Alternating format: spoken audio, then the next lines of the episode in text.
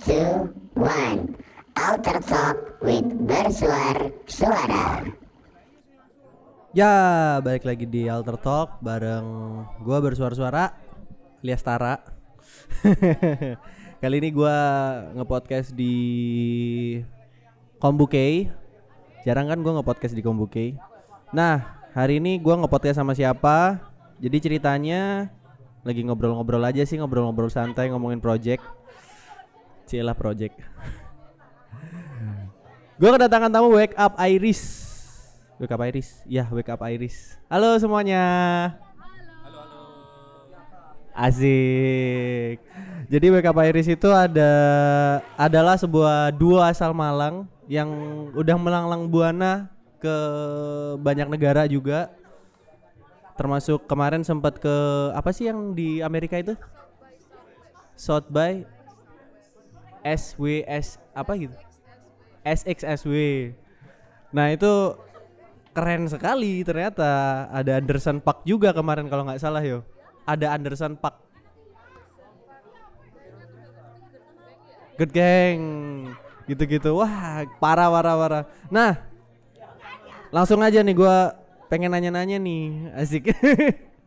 Kenalin dulu lah satu-satu WK Iris itu siapa gitu. Oke, Oke, halo semuanya. Aku Fania. aku Bi Bibaksi. Ya. Itu sih kita berdua. Terus kalau alat musiknya aku pakai alat gesek. Aku alat tendang. Iya. drum. Kayak gitu. Sama alat genjreng. iya, sama gitar. Iya, gitu. alat genjreng sama alat alat tendang. Aduh, kocak sekali. Nah, ini pertanyaan pertama nih. Jadi Wake Up Iris itu sejak kapan sih ininya dibentuknya? Oke, Wake Up Iris terbentuk di tahun 2014 14 akhir akhir ya di bulan Iya. apa itu? bulan Desember menuju Januari. Terus tapi panggung pertamanya baru Januari tanggal 24. Tapi habis itu sempat vakum sekitar enam bulan. Baru start aktif itu sekitar bulan Agustus, Agustus 2015. Oke, dan kita kita mulai bikin lagu kapan sih? Mulai bikin lagunya sih eh, ya setelah Januari itu ya. Januari terus Feb- masuk Februari sudah mulai godok-godok materi ya. Dari Heeh. baru kelu- apa keluar album di tahun 2018. Ya, album kita di 2018 di 24 Januari juga. Nah, oke, gitu. Panggung pertama kalau nggak salah di Art Music Campfest. Yes. Art musik ya, ya. Dan aku datang. itu keren sih. Nah, terus em, perjalanannya Wake Up Iris sendiri dari 2015 ya, 2015 itu sampai sekarang udah ngeluarin satu album. Nah, gimana sih eh, proses suka dukanya duo Wake Up Iris ini sampai sekarang? Suka, suka, duka. Banyak suka ya, banyak, Banyak sukanya. suka, ya. jarang duka. Iya. ya tapi ada sih, tapi itu dukanya menjadi pelajaran gitu lah. Suka. Yang seneng banget sih karena WK Paris kami bisa menjelajahi Indonesia yang sem- yang selama ini nggak pernah, yang dulunya tuh nggak pernah menyentuhkan kaki di Sulawesi maupun Kalimantan, Sumatera, akhirnya bisa nyampe kan sama sampai bisa ke luar negeri karena musik dan itu itu suka banget tuh. Benar. Terus dukanya, dukanya apa duka? dukanya itu apa ya bawa alat sendiri itu tantangan itu tantangan. Kita menganggap du, apa du- eh, dukanya itu bukan bukan duka ya, tapi sebuah challenge, iya iya sebuah challenge supaya supaya apa Challenge. namanya eh, wah ini ini misalkan kita apa ketemu sebuah tembok, akhirnya gimana nih caranya untuk kita bisa melewati tembok tersebut gitu. Jadi bukan hi- hidup kita penuh dengan tantangan iya Terus- dan pengalaman yang menarik. Gokil sih, hidup itu bukan duka tapi tantangan. Dianggap tantangan berarti ya. Oh iya. Tapi lucu loh, aku denger-dengar dulu itu Mas Bi dan Mbak Fania ini jatuh cintanya karena musik, bener nggak sih? Jadi gosip. Tapi tapi boleh tuh diceritain berawal dari musik pada akhirnya sampai nikah dan dan itu gitu. Kami belum menikah. Doakan, doakan. Amin, amin, Amin amin segera lah. Amin. Ya, kami Oh, Ya, iya, bisa iya. tukeran apa? Eh, tanggal berapa? Tanggal berapa? gitu kan ya. Kalau eh, kami sebenarnya udah kenalan di ranah musik itu dari tahun berapa tuh? 2010 ya? 2011. 2011 kita sudah sama-sama tahu aku dengan musikku dia dengan musiknya dia kami sibuk sendiri-sendiri tapi habis itu dipertemukan oleh musik gitu ya Iya. habis itu setelah 2011 aku bantuin proyeknya dia terus habis itu udah eh, nggak pernah kontak lagi Eh, paling cuma di Twitter say hi gitu-gitu doang kan Iya. Terus belum zamannya WhatsApp kan. Jadi nggak ada SMS gitu. Kalau misalnya pas lagi mau nanya apa namanya juga aku belajar musik gitu dia udah lebih dulu gitu kan. Jadinya kalau mau nanya ya SMS wah ini gimana nih? Eh, dulu manggilnya Kak Vi gitu kan. Iya. bagaimana nih? Apa kalau harus ini mau mau cetak CD itu di mana? Kayak gitu belajar kayak gitu. Disaut lah. Dan pada suatu saat, Pada suatu saat. suatu saat kita akhir, eh, saya saya akhirnya mengalami proses eh, tidak punya siapa-siapa gitu. Jadi jomblo gitu. Prosesnya jomblo, terusan udah lama sekitar eh, tahun 2014 pertengahan, tahu-tahu dia dia chatting, eh Masih SMS, ya SMS. SMS masih SMS. Ih kamu SMS dari? Iya masih SMS. Zamannya- Kak Bi bikin CD di mana? gitu sih. Iya kan? Iya. Karena satu-satunya akhirnya- orang yang aku tahu di, pernah buat CD dan itu ya dia. Waktu itu belum banyak berteman aku. Ah. tit tit. kontak. Iya. Ada deh. ada gitu. Terus akhirnya eh, setelah dia ngomong eh, dia bilang oke kapan bisa ketemuan? Gitu. Nanti aku bisa jelasin di mana gitu kan. Karena ketika dijelasin di SMS kan paling kayak nggak jelas gitu kan ya terbatas juga. Akhirnya ketemuan lah kita ya. Ah, kita ketemuan akhirnya ketika ketemu itu ah, ah, ngerasa kayak kayak fo- fokusnya cuma di dia gitu. Nggak tahu kenapa kayak wah enak ini ngobrol sama ini dia sampai lupa dia kan bawa teman berapa itu? Ada 11 orang Ada ada 5 11. 11 12 orang kan Ah, udah kayak tapi dunia milik kita berdua gitu. kita fokusnya kita berdua doang gitu. Ngobrol seru aja seru ini aku. Aku juga apa excited. excited sama dia Gitu, tapi dan jadi akhirnya pertemuan itu nggak bisa cuma sekali ya. Ah. akhirnya kita janjian lagi. Ini jadi- jadi ngomongin pacaran. Topiknya. Tapi lucu loh, karena kita tidak pernah tahu jodoh itu dipertemukan dari mana. nah, cerita ini dong, yang di SXSF, yang di Amerika, Southwest, South, South by, Southwest, South by, Southwest, Southwest. itu kemarin kan sempet rame juga sih yang acara itu kan dengan kasusnya efek rumah kaca antara efek rumah kaca sama dinas apa ya namanya kemarin? Yang udah tutup itu? Backcraft ya sempat rame antara efek rumah kaca sama Backcraft tapi Wake Up Iris tetap berangkat. Aku pikir waktu itu Wake Up Iris di diangkat juga sama Backcraft ternyata enggak ya? Bener-bener itu eh, apa namanya? Person ya? Kalau misalnya Backcraft kan pemerintah. Kebetulan kalau yang South by Southwest 2018 kami ke bagian bagian sektor swasta. Sektor swasta ya itu sektor swasta. Iya. Dan emang eh, South by Southwest itu kayak apa ya? Kan kami dari Malang. Waktu eh, kita apa namanya eh, bikin Wake Up Iris 2015 aku itu duduk dan dia lagi ngulik-ngulik eh, gitarnya. Aku ngomong eh, aku kepingin datang ke festival-festival musik seluruh dunia. Aku tulis ya gitu kan. Ya cuma ngayal lah. Iya, bucket list. Nomor satu tuh South by Southwest karena waktu itu aku lihatnya itu dia di pusat industri musik dunia kan ya US dan di situ isinya nggak cuma musik, ada film, ada ada teknologi dan sangat menarik. Tetapi kami dari Malang gitu loh.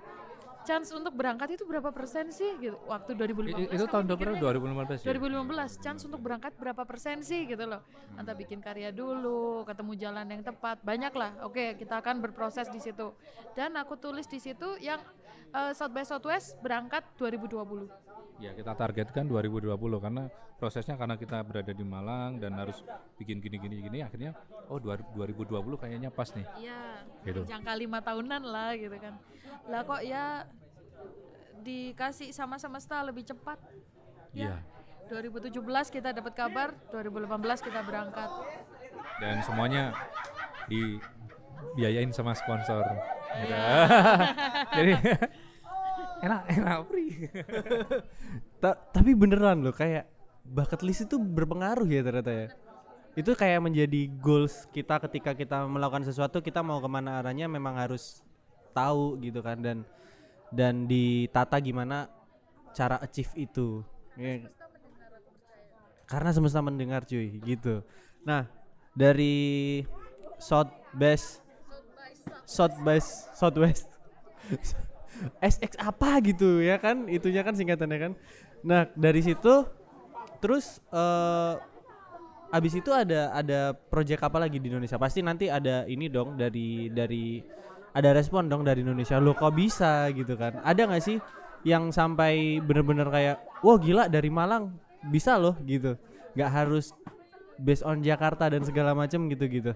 Gimana tuh termasuk salah satu challenge buat kita ya bahwa waktu itu zamannya mungkin sampai sekarang juga bahwa industri musik itu desentralisasi bahwa mulai banyak pelaku musik dari luar Jakarta un- apa apa namanya dilirik atau diajak oleh entah sponsor atau promotor atau pemerintah untuk berkembang dari tempat asal mereka.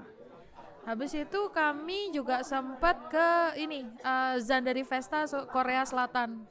Dan itu kami buat tour waktu itu 2018 juga. Jangka waktunya sekitar berapa? Eh, South by Southwest-nya Maret. Ininya eh, Koreanya Oktober ya. Nah, itu kami rapel sama eh, tour Korea Selatan sama Malaysia. Satu minggu di Korea Selatan, satu minggu di Malaysia gitu.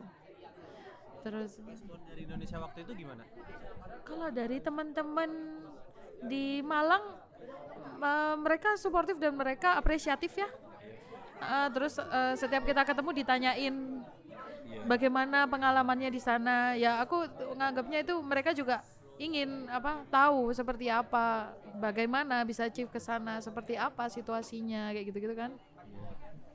Ya kita karena kita mungkin band satu-satunya band Malang yang pertama kali datengin South by Southwest ya jadi anak-anak pada penasaran sih penasaran tanya-tanya tanya gitu Iya. Tapi habis itu kalau misalnya respon secara apa ya? Secara- secara nasional Kayaknya Karena kita masuk- PR lagi ya. masuk itunya Gofar soalnya Oh iya, masuknya iya. Jadi kita nongol di Gofar itu juga datang ke sana dan dia juga ngewawancarain waktu itu kita barengnya juga bareng efek rumah kaca kan. Terus eh, bareng efek rumah kaca, semiotika dari Jambi dan kita. Nah, itu eh, Gofar Eh, sama Kimokal. Oh, sama Kimokal, Kimokal Jakarta. Nah, habis itu Gofar ngewawancarain semuanya. Nah, itu notisnya kerasanya di situ malah. Notisnya dari situ. Nah, WKP Iris kan baru ngeluarin satu album. Ada rencana album kedua? Ada dong ada dong ada dong on progress sih on progress rencananya berapa bulan lalu ya? ya kita kita pengen pengen mengembangkan musik kita supaya lebih lebih apa namanya lebih keluar kitanya gitu Ya, dan rencana tahun ini sudah harusnya ya harusnya sih tahun ini. Mohon doanya ya, mohon. iya mohon doanya tahun ini tahun 2020 semangatnya ya. Ha-ha. Heeh. Tahun baik loh. Tahun baik sih 20 20 Iya. 20 Ada kode di situ. 20 kapan nggak tahu. Mas, obrolannya agak-agak nyelentang dikit, nyelentang. Kalau Mas melihat tentang industri Indonesia sekarang yang banyak sekali eh kayak wah ini indie Indian. Kita tahu arahnya ke mana ini. indie Indian gitu. kalian sebagai musisi melihatnya bagaimana sih fenomena yang terjadi kayak sekarang tuh yang fans salah satu band atau musisi yang terlalu fanatis dan gila dengan keindian keindian itu Indie indie ya, indie in- indie emang uh, mulai anu ya, mulai udah menjadi tahun ini terakhir ya. Ah, udah menjadi ya? kata-kata yang sangat Kalau aku namanya? bilang sih sering overuse dipakai. sih sekarang. overuse. Sering dipakai bahasa halusnya overuse yang lebih vulgar. ya, eh, kami sendiri mengerti indie itu dari independen. Artinya eh, ya apa namanya? Si musisi ini berjalan di dalam tanda kutip jalan sunyi gitu kan. Untuk eh, apa namanya mengembangkan kar- karyanya, mendistribusikan. Tapi tidak menutup kemungkinan dari jalur itu ada yang ngelirik dari label.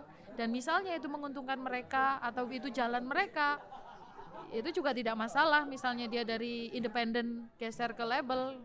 Jadi kan eh, dinamis ya kreativitas itu dinamis itu yang pertama kami mengerti soal indie atau independen Ya dan dan juga independen indie band band indie juga band tidak menyebut bandnya dirinya indie gitu. Kalau kalau menurut uh, enggak self proclaim yang yang menyebut kita indie ya orang lain harusnya.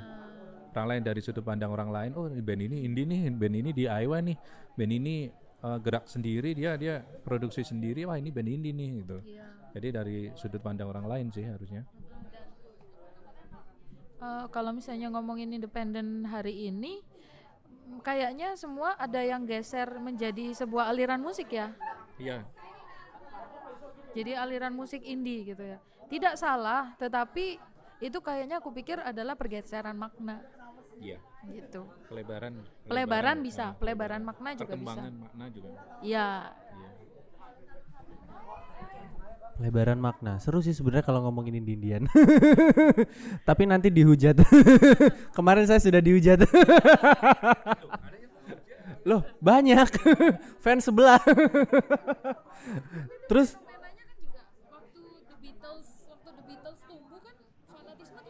kan? Benar benar benar K-pop tumbuh fanatisme juga kan iya kayaknya menurut aku itu hal yang akan selalu ada ya Iya.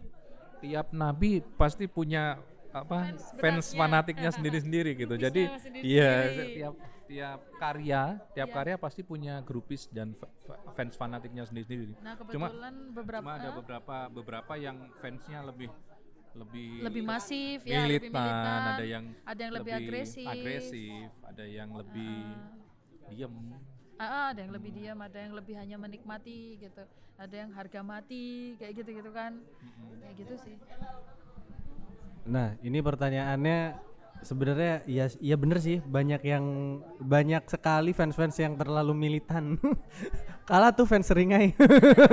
Serigala militia. Serigala militan indie. Nah, balik lagi ke Wake Up Iris nih. Jadi mau ngulik-ngulik sedikit tentang materi Wake Up Iris yang album pertama sebenarnya. Di album Wake Up Iris yang pertama itu bercerita banyak bercerita tentang apa sih sebenarnya? Oke, inspirasi inspirasinya utama utama adalah mikrokosmos dan, Dan makrokosmos. Kalau misalnya ada yang belum tahu istilahnya, mikrokosmos sama makrokosmos itu adalah jagat alit sama jagat gede, dunia kecil dan dunia besar. Bahwa di situ kami ngambil bahwa dunia semesta yang sangat besar ini, yang mungkin kita tidak tahu ujungnya di mana, itu sebenarnya cerminan dari semesta kecil yaitu diri kita sendiri. Kita kami berangkat dari yang eh, apa namanya trigger visual bahwa eh, pembuluh darah itu sama kayak akar visualnya kayak gitu. Dan banyak banget itu eh, bisa lihatlah di internet ngomong soal mikrokosmos makrokosmos betapa kita serupanya dengan semesta besar ini. Dan itu dibantu sama yang kamu bilang tadi bucket list bahwa ketika kita berhasil eh, berani menuliskan sesuatu berani nyimpan itu di otak dan di kepala eh, di hati kita semesta itu juga akan jalan mengarah ke apa yang kita inginkan gitu loh. Jadi ya sebenarnya kasarannya jadi kayak semesta kecil ini bisa mengontrol semesta besar ini. Itu inspirasi utamanya gitu. Semesta kecil, semesta besar. Buset. Ternyata berat juga ya. kok kepikiran gitu loh. Terus kalau ininya, kalau dari sisi musik, influence masing-masing pasti beda. Dari band, dari band, dari musisinya itu siapa aja mas? Kalau sampai pada akhirnya BK Paris, karena karena kalau aku ngelihat nggak ada duo yang konsepnya seperti WK Iris di dunia, nggak pernah lihat aku. Mungkin aku mungkin ada tapi nggak tahu. Nggak ada dan mungkin itu bisa dibilang kombinasi permainan sih kayak kalau pemainan biolanya aku ngeliat wah the course gitu-gitu. Kalau dari WKPRI sendiri influence yang paling menginfluence pembuatan musiknya apa? pembuatan harusnya eh, hampir setiap musik kita dengerin. Jadi kita tidak membatasi apa yang kita dengarkan, tapi ada beberapa yang sangat istilahnya sangat membuat kita terpicu.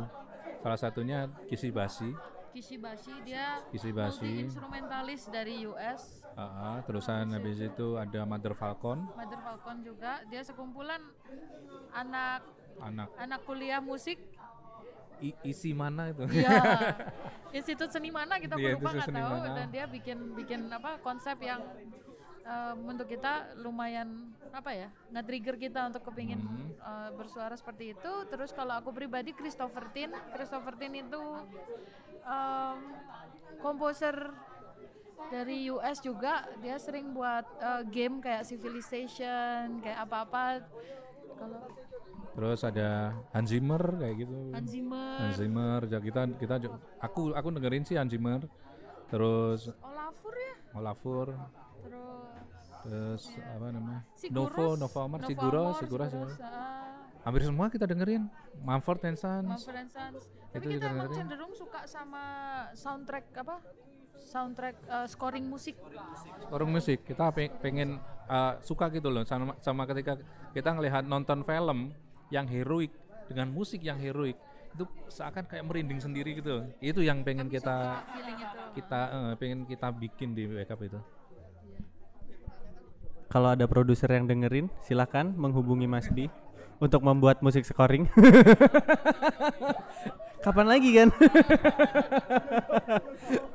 Itu. Nah, terakhir nih, ada pesan dan kesan eh bukan kesan sih, ada pesan-pesan gitu nggak buat pendengar podcast ini untuk berkarya atau membuat sesuatu gitu? Pesannya adalah yang pe- sat- satu sih ada yang pengen aku pesenin juga adalah eh, kayak tadi ya kita bilang semesta kecil mempengaruhi semesta besar, semesta besar juga mempengaruhi semesta kecil.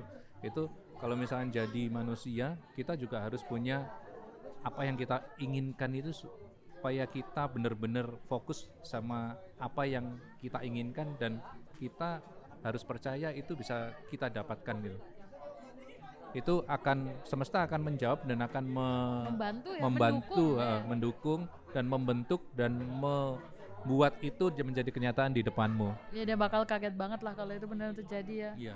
Kalau aku pribadi, untuk teman-teman semua yang eh, berbagai macam umur yang mendengar, cari inspirasi untuk bikin musik, musik eh, ka- eh, apa karya yang terbaik ya nggak cuma musik aja, karya yang terbaik adalah karya yang kamu mulai hari ini. Bahwa di mana kalau misalnya karya itu mungkin kita harus eh, ada ya mungkin wah ini aku eh, aku juga belajar. Itu di situ di seja- eh, WK Paris aku berproses belajar itu bahwa kadangkala ah ini eh, alat musik yang aku punya nggak mendukung sama keinginanku pengen bikin ini gitu. Sudah pokoknya kamu mulai dulu detik itu kamu mulai. Nanti akan bertumbuh nanti kamu akan dipertemukan dengan alat musik yang meant to be to for you kayak gitu. Tapi kalau misalnya nggak start nggak mulai nggak saat itu mulai nggak akan ada yang jalan. Jadi kalau misalnya kamu punya hasrat untuk melakukan sesuatu entah gambar entah musik entah apa pun itu karya yang terbaik adalah karya yang kamu mulai hari ini. Dan jangan lupa yang original dong. Gitu teman-teman ceritanya. Bareng Wake Up Iris. eh gua nggak tadi kepikiran apa ya? Udah deh. Semoga project kita bisa lancar. Lumayan nih. Gua punya project bareng sama Up Iris, tunggu aja. Pokoknya semoga project ini lancar. Kalau ada sponsor yang mau, ayo sini sini sini. tunggu aja. Itu podcast bareng Up Iris eh, di Kombuke. Kombuke anak-anak Malang udah pada tahu lah mampir-mampir ke sini. Eh, gua Tara, see you in another podcast dan sampai jumpa di episode berikutnya. See you.